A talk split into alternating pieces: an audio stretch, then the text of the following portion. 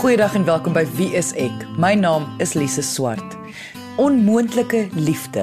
Wanneer iemand voel hulle is ewig lief vir iemand anders, maar die ander persoon voel nie dieselfde nie. Hoe kan 'n persoon oor hierdie oorweldigende gevoel kom? Is daar 'n rede hoekom iemand vir iemand lief word wat nie dieselfde voel nie? In vandag se episode gaan ons onder andere na hierdie vraag kyk aan die hand van twee luisteraarsbriewe. My gaste wat die briewe gaan beantwoord is sielkundiges Johannes Schikkerling en Christine Nel.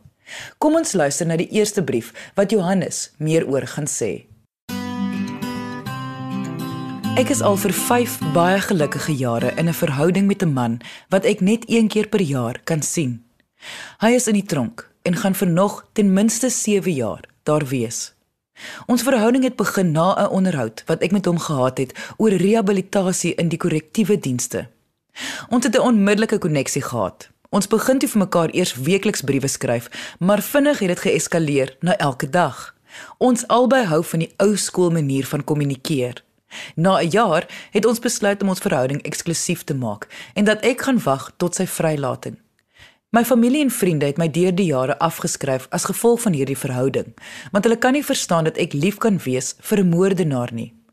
Alles het goed gegaan tot so 5 maande gelede. Hy het net skielik ophou met skryf.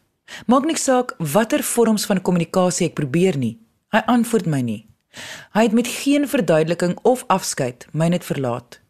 Ek koop glad nie. Ek kan nie slaap nie, ek wil nie eet nie. Ek het al al ons briewe oor en oor gelees om uit te figure wat verkeerd gegaan het. Maar niks maak sin nie. Ek voel geweldig alleen, want ek het niemand om hieroor te praat mee nie as gevolg van mense se veroordeling. Hoe kan ek aanbeweeg? Hoe kan ek van hom vergeet? Ek het die afgelope 5 jaar net vir hom gelewe. Johannes, ek kan nie lieg en sê dat ek nie onmiddellik dieselfde reaksie ervaar as haar familie en vriende nie. Ek wil omtrent sê hoe gelukkig sy is dat hy haar gelos het. Mens verstaan absoluut die familie se reaksie mm. en dat hulle baie bly is dat hy die kontak verbreek het. Mens het wel deernis met hierdie dame wat eintlik deur 'n break-up gaan op die oomblik. En mens voel nogal vir haar. Duidelik sukkel sy met hierdie situasie. Hierdie gebeur gereeld dat mense verhoudings begin met kriminele of moordenaars wat in die tronk is. Hierdie is nie 'n unieke geval nie. Wat sê die navorsing hieroor? Hoekom doen veral vroue dit? Soek 'n verhoudingsmaat wat in die tronk is. Jy is heeltemal reg. Dit is geensins 'n vreemde verskynsel dat vrouens vir mans in tronke kontak of selfs op hulle verlief raak nie. Die navorsing wys dat dit 'n veilige opsie is vir vroue wat gewoonlik 'n geskiedenis het van mishandeling of fisies of emosioneel dat hulle dan kontak maak met hierdie mans. Daar is verskeie redes hiervoor. Een daarvan is amper 'n bekende verskynsel is die bad boys. En ons almal weet dat veral tienermeisies hou van die bad boys, die bietjie rebelse. En ons weet die, die eintlik die onderliggende ding is dat hy hopelik haar sal beskerm, want as hy nogal aggressieverig is, dan lê daar ook in juis in sy binnekring, dan hoop jy dat hy jou sal beskerm. So daar's 'n bietjie van 'n aantrekking. As ons dit bietjie verder vat, dan kry ons 'n verskynsel genaamd hibistrophilia. En dit is wanneer daar 'n aantrekking of 'n seksuele opwekking is veral na iemand wat iets teen sosiale norme gedoen het met ander woorde iemand wat redelik aggressief is of iemand wat al 'n moord gepleeg het of iemand ja en dit is eintlik 'n tipe seksuele afwyking wat ons sien.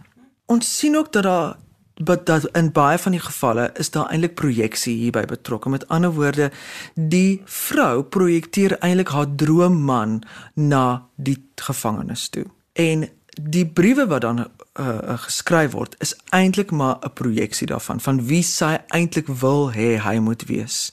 En dit kan baie keer gevaarlik wees want dan kan sy maklik gemanipuleer word. Want die gevangenes sien dan die tendens van wat sy wil hê en hy vervul dan eintlik haar droomman.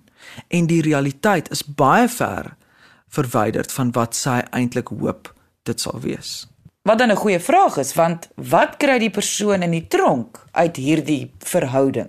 Op die minste wat hulle kry is bietjie entertainment of iemand met wie hulle kan connect. So dis nie altyd dat dit oneg is nie. Dit is regtig 'n tydverdryf want die tronk is nie altyd so 'n aangename plek nie en hier is dan iemand wat baie mooi briewe vir jou skryf en regtig blykbaar vir jou omgee. So dit is 'n baie lekker ding vir hulle om te doen om dalk briewe terug te skryf. Ons moet bewus wees dat gewoonlik is hulle nie net besig met een persoon se brief nie. Hulle kry baie keer baie meer briewe en het verskeie vrouens met wie hulle uh kontak het. Die ander voordeel is natuurlik dat hulle baie keer geld probeer kry uit die persoon uit om dan 'n beter lewe in die tronk te hê, om mense om te koop of om sekere ehm um, voorwaardes te kry en so. Die derde een daarvan en dis amper die bekendste een is dat hulle eintlik dan 'n vaste adres het vir parool.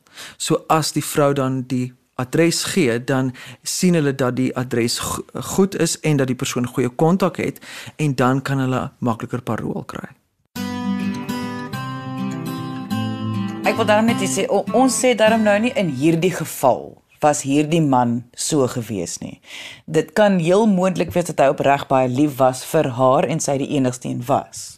Absoluut. Ons gaan eintlik hier meer volgens wat navorsing ons vertel want hierdie is 'n groter tendens wat reg oor die wêreld homself afspeel. So dit is moontlik vir iemand om in 'n tronk te wees en lief te wees vir iemand anders. Dit is natuurlik moontlik. Die kwessie kom altyd dan as die persoon uit die tronk uitkom wat die realiteit is. Dit is nogal heel maklik om verlief te raak op iemand wat nooit ehm um, uh gemors maak nie of iemand wat nooit sy klere laat rond rond lê nie of iemand wat ehm um, altyd die skottelgoed was in jou opinie. So dit kan 'n baie idealistiese beeld wees van 'n persoon, maar jy leef nie eintlik saam met hierdie persoon nie. So jy sien alleenlik die beste. Dit is soos daai verlieffase wanneer mense in die eerste instansie verlief raak op mekaar. Jy sien alleen die mooi en jy word eintlik nie blootgestel aan daai klein irriterende goedjies nie, want die kontak wat jy het is eintlik minimaal.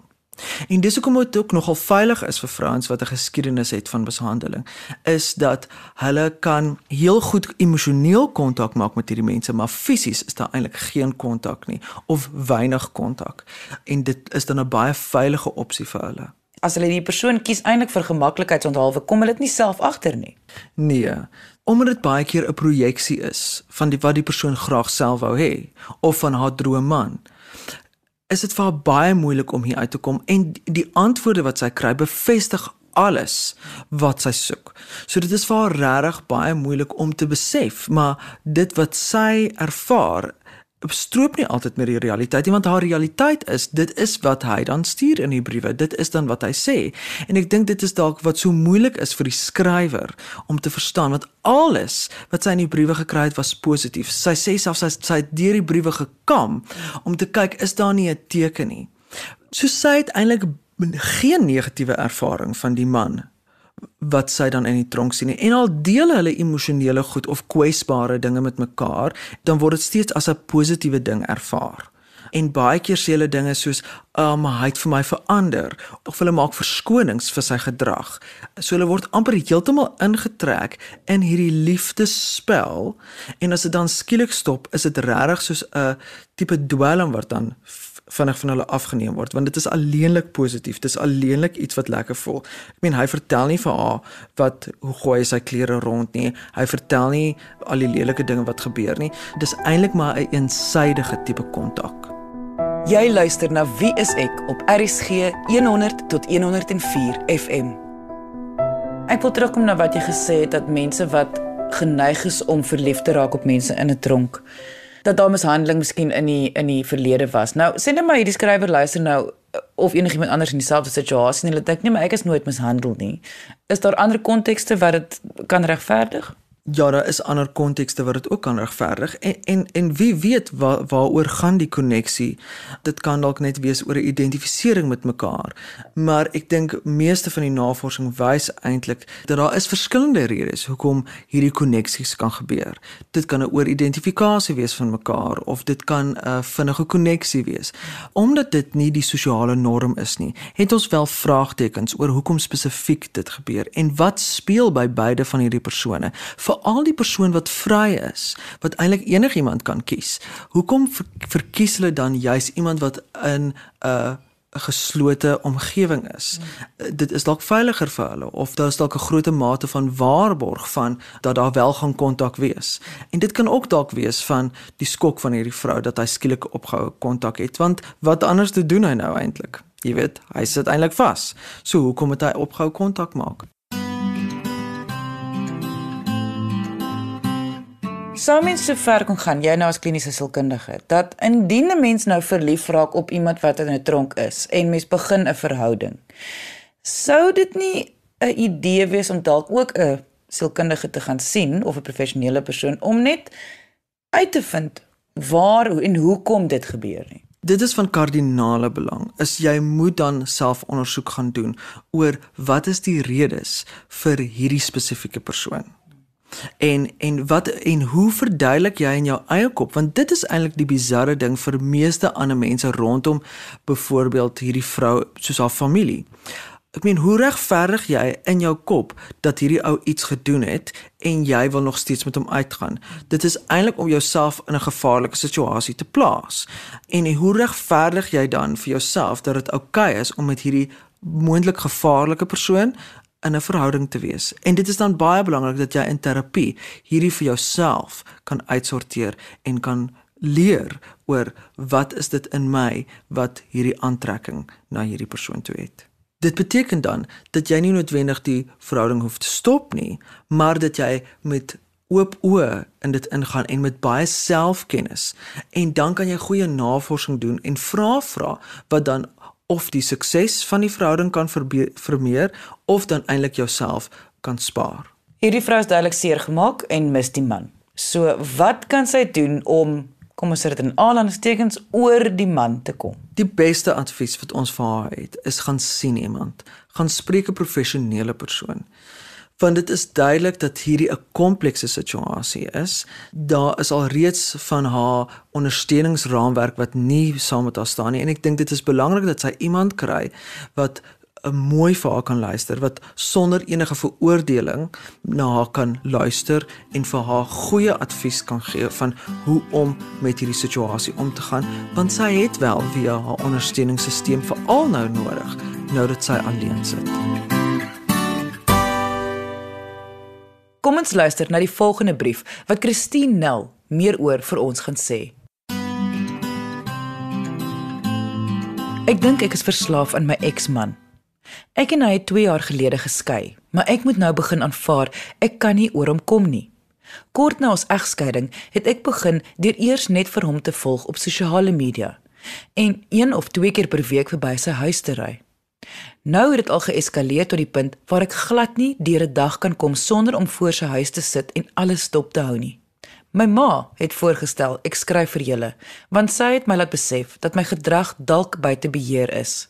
Ek kan nie ophou dink aan ons verhouding nie, wat verkeerd gegaan het nie of hoe om hom weer terug te kry nie. Hy het al 'n interdik teen my gekry, maar ek het planne uitgewerk om hom te sien sonder dat hy weet. Ek slaap min, eet min, want ek werk aan planne hoe ek hom kan sien. Dit is snaaks, want ek wil hom eintlik nie terug hê nie. Ek moet hom net elke dag sien. Ek weet nie wat om te doen nie. Ek het hulp nodig, want hy het met sy lewe aanbeweeg, so ek wil ook. Christine, kom ons praat oor die woord verslawing. Wat is die definisie van 'n verslawing? 'n Verslawing is wanneer iemand vasgevang is in 'n gedragssiklus wat hulle magteloos voel om te breek. So dit is 'n siklus wat herhaal. Daar's gewoonlik dieselfde elemente in hierdie siklus en hulle voel dat hulle hulle kan nie die siklus breek nie ten spyte van negatiewe gevolge wat dit vir hulle self en hulle lewenskwaliteit inhou. So kan 'n persoon verslaaf raak aan iemand anders? Daar's nie regtig 'n diagnose vir so iets nie. Maar wat ons wel sien in hierdie brief is is 'n gedragsiklus wat herhaal en herhaal. En dit klink soos 'n tipe van 'n gedragsverslawing, maar diagnosties sal mens waarskynlik meer kyk na ietsie wat eh, te doen het met obsessie en lei na gedrag wat herhaal. Sou dit realisties wees vir my om dan te sê wat ek optel is, sy is nie verslaaf aan die persoon nie. Dis amper soos 'n verslawing aan die gedrag wat sy doen. Sy dit dit dit het so 'n gewoonte geraak dat dit is die verslawing. Dis reg, dit lyk nie na of dit regtig 'n soeke is na 'n uh, 'n persoon of na intimiteit nie, maar dit is dis meer 'n uh, ja, 'n siklus wat herhaal en mense het verskillende dinge waarvan hulle afhanklik kan raak of siklusse waaraan hulle betrokke kan raak. Ehm um, partykeer het dit te doen met drank, partykeer het dit te doen met dwelms, vir party mense dit werk of oefen, vir party is dit seks of dobbel en vir party mense is dit om sekere dinge te fix of om ander mense te te red uit sekere situasie uit. So daar's baie sulke ongesonde siklusse waarbinne mense gevange kan raak. Dit is vir my baie interessant hoe sy self besef sy wil nie weer in 'n verhouding staan met die man nie, maar dat haar obsessie lê in die daaglikse, kom ons noem dit nou die fix om hom te sien. Mense dan voel sy sou dit makliker kon oplos omdat sy juis weet waar die probleem lê. Ja, dit is baie interessant dat sy dit so stel. Ek sal graag meer inligting wil hê oor hoe dit spesifiek in haar geskiedenis en in haar raamwerk sin maak want elke ou is uniek en elke element van hulle lewe wat op op iets inspel is is verskillend van persoon tot persoon. Dit klink wel nie soos 'n behoefte van ehm um, na intimiteit of na die spesifieke persoon in haar lewe nie. Dit moet iets anders wees. So ek sal wonder of dit ehm um, ook 'n tipe van 'n 'n thrill is om iets te doen wat jy nie mag doen nie. Om of 'n tipe van 'n speletjie wat sy met haarself speel. Of is dit regtig waar obsessiewe ongemaklike gedrag is wat maal en maal en dan moet sy iets doen om daardie ongemak te verlig. Is is dit meer so tipe van ding en dit is iets waar ek regtig met haar sal wil tyd spandeer en wil delf en baie vrae vra oor oor hoe hierdie ding tot stand gekom het. Hoe lank is dit al so? Van waar kom hierdie gedrag? Hoe maak dit sin binne haar konteks? Ja, ek het baie vrae rondom dit nog. Watter advies sal ons dan vir die skrywer en vir ander luisteraars wat dalk in dieselfde situasie is dan gee? 'n Mens se gedrag en jou emosies en jou denke is dinge wat alles saamgaan. Dis in sekere gevalle soos ek dink ook hier vir hierdie skrywer baie moeilik om die emosie te te verander. So kom ons kyk prakties na die gedrag want dit kan baie keer dan 'n effek hê op die ander twee dele van hierdie driehoek. Prakties wat sy kan doen is om haarself miskien totaal en al van sosiale media af te haal want dan is sy glad nie blootgestel op daardie front aan die persoon nie. As dit vir haar te drasties is, kan sy net probeer om haar eksman af te haal van haar sosiale profiel sodat sy hom nie kan volg nie. Tye wat sy weet sy is kwesbaar om te soek na insette van sy kant af of om te om te probeer sien, kan sy dalk probeer om vaste afsprake te maak, want vir sekere mense is daar sekere tye van die dag wat hulle weet hulle is meer kwesbaar om in hierdie ongesonde gedrag deel te neem, soos byvoorbeeld tussen 5 en 6 in die aand as hulle van die werk afkom, is dalk ledige ure vir hulle. Dat hulle dan ietsie vas het wat hulle gedagtes 'n bietjie kan in beslag neem. 'n tegniek wat uit kognitiewe gedragsterapie uitkom, gaan dalk nou 'n bietjie vreemd klink, maar vir party mense help dit tog om kliphard vir hulle self te sê stop. As hulle agterkom dat hulle gedrag maal en maal en maal, om dan fisies te sê stop en dan prakties te kyk Wat kan ek doen wat my aandag gaan in beslag neem? Dis belangrik dat dit 'n konstruktiewe ding is, dat 'n mens nou nie weer verval in nog 'n ongesonde patroon nie en dit dit ook uit balans uitgaan nie maar dit is iets wat net in die oomblik vir 'n mens kan gesonde verligting bring en tog in, in die lang duur nie afbreekend is nie. Wat my die meeste van die brief beïndruk het, is die feit dat sy vir hulp vra en na haar ma geluister het. Mense besef nie altyd hoe belangrik dit is om ander mense se opinies in ag te neem wanneer dit kom by ons eie gedrag nie. Mens moet onthou dat omdat ons blinde kolle het, beteken dit daar's groot dele van onsself wat ons nie ken nie wat ons nie kan sien nie en ons het ander mense se oë nodig om na daai dele te kan kyk en daaraan te kan werk. Natuurlik is die kommunikasieproses eh, so belangrik. 'n Mens hoef nie net terugvoer um passief te aanvaar en te, te aan te neem dat dit is so nie. 'n Mens moet dit challenge, 'n mens moet daaroor praat. Waar kom dit vandaan? Hoe lyk dit? Hoe laat dit jou voel? Al twee kante toe want dit is tog binne in 'n verhouding dat hierdie gedrag sigbaar geraak het. So dit moet wederkerig wees. Iemand moet kan terugvoer gee en ook terugvoer ontvang en daarmee kan werk. En en dan is dit 'n gesonde ehm um, situasie. Hoe sal 'n sielkundige iemand help om aan te beweeg in so 'n situasie? So 'n sielkundige sal begin by waar jy is, wat ervaar jy, wat is nou probleme? En dan jou help om dit te verstaan Ons skep saam die terapie. Jy dra by, die ander persoon dra by. Ons werk saam. So dit modelleer juis daai gesonde tipe van verhouding waar daar insette van albei kante af is en 'n mens daarmee werk. So mens leer dan om jou probleem te verstaan. Jy leer om eerlik te wees met jouself oor hoe jy voel en met iemand anderster um eerlik te wees en jouself uit te druk. 'n sielkundige is nie iemand vreemds wat volksvreemd is en wat krities en veroordelend na jou kyk en dis dit is iemand wat saam met jou die reis aanpak dan opbouende bydraes kan lewer om jou te help om jou probleme te hanteer. Jy luister na Wie is ek op RCG 100 tot 104 FM. Mense besef nie altyd hul gedrag is obsessief of anders as anderse nie. So vir diegene wat nou luister en twyfel of hulle gedrag, miskien in dieselfde situasie, nie dalk ook 'n probleem is nie, waarvoor moet hulle dan uitkyk? Iets soos malende gedagtes wat vashak by 'n selfde tema of wat deur 'n selfde tipe iets getrigger word. Veral as jy sukkel om aan te beweeg en jy voel dit herhaal en jy uh, jy kom nie weg daarvan nie. Jy weet jy word jy voel asof jy almekaar teruggetrek word in iets en dit veroorsaak 'n mate van ongemak by jou, selfs angstigheid, spanning. In sekere gevalle kan dit lei tot paniekaanvalle. En, en en dan saam met dit is daar baie keer 'n gevoel van ek moet iets doen om hierdie spanning te verlig. Ek moet een of ander kanaal vind um, om dit uit te druk of ek moet iets uh, inset in my gedrag hê wat wat die patroon verbreek. En dit kan wees dat ek dan iets moet doen fisies. Vir party mense sal dit wees vir haar is dit dan spesifiek om haar man te gaan haar eksman te gaan sien. Vir iemand anders sal dit miskien wees om ehm um, as hulle spesifieke soort gedagte het om hulle hande 'n sekere hoeveelheid te uh, kere te gaan was of om om iets te gaan te check dat hulle dit wel gedoen het 'n sekere hoeveelheid kere of vir party mense tel, party mense steel, party mense moet op sekere maniere trap op die teels. Ehm um, en daai gedrag bring dan tydelike verligting van hierdie hierdie maalkolk of herhalende gedag, gedagtes. En dan moet 'n mens kyk hoeveel van my dag, hoeveel van my tyd word hierdeur geaffekteer. En as dit 'n redelike groot hoeveelheid tyd is, dan dan is dit nodig dat ek aandag gee aan. Hoeveel van my energie gaan daarin en hoe affekteer dit my lewenskwaliteit? Want mense kan baie keer identifiseer met sekere ongesonde gedrag wat dalk simptomaties kan wees. Maar as dit nie hulle tyd in beslag neem nie, as dit nie hulle lewenskwaliteit beïnvloed nie en as dit nie baie energie vat nie, dan is dit miskien maar net deel van hulle unieke samestelling. Ons moet regtig kyk wanneer is iets diagnosties of wanneer is iets het iets 'n negatiewe invloed op my funksionering en en dan moet ek aandag gee daaraan.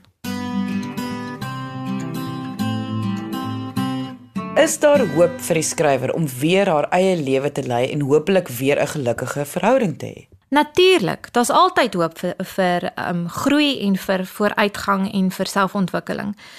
Dit hang af hoe 'n mens na hierdie probleem kyk sien jy dit as die einde van my lewe? Hoe hoe hoe praat jy met jouself daaroor? Is jy besig om jouself af te breek, te kritiseer? Is jy besig om 'n negatiewe uh, toekomsvisie te kweek of sien jy dit as 'n groeigeleentheid?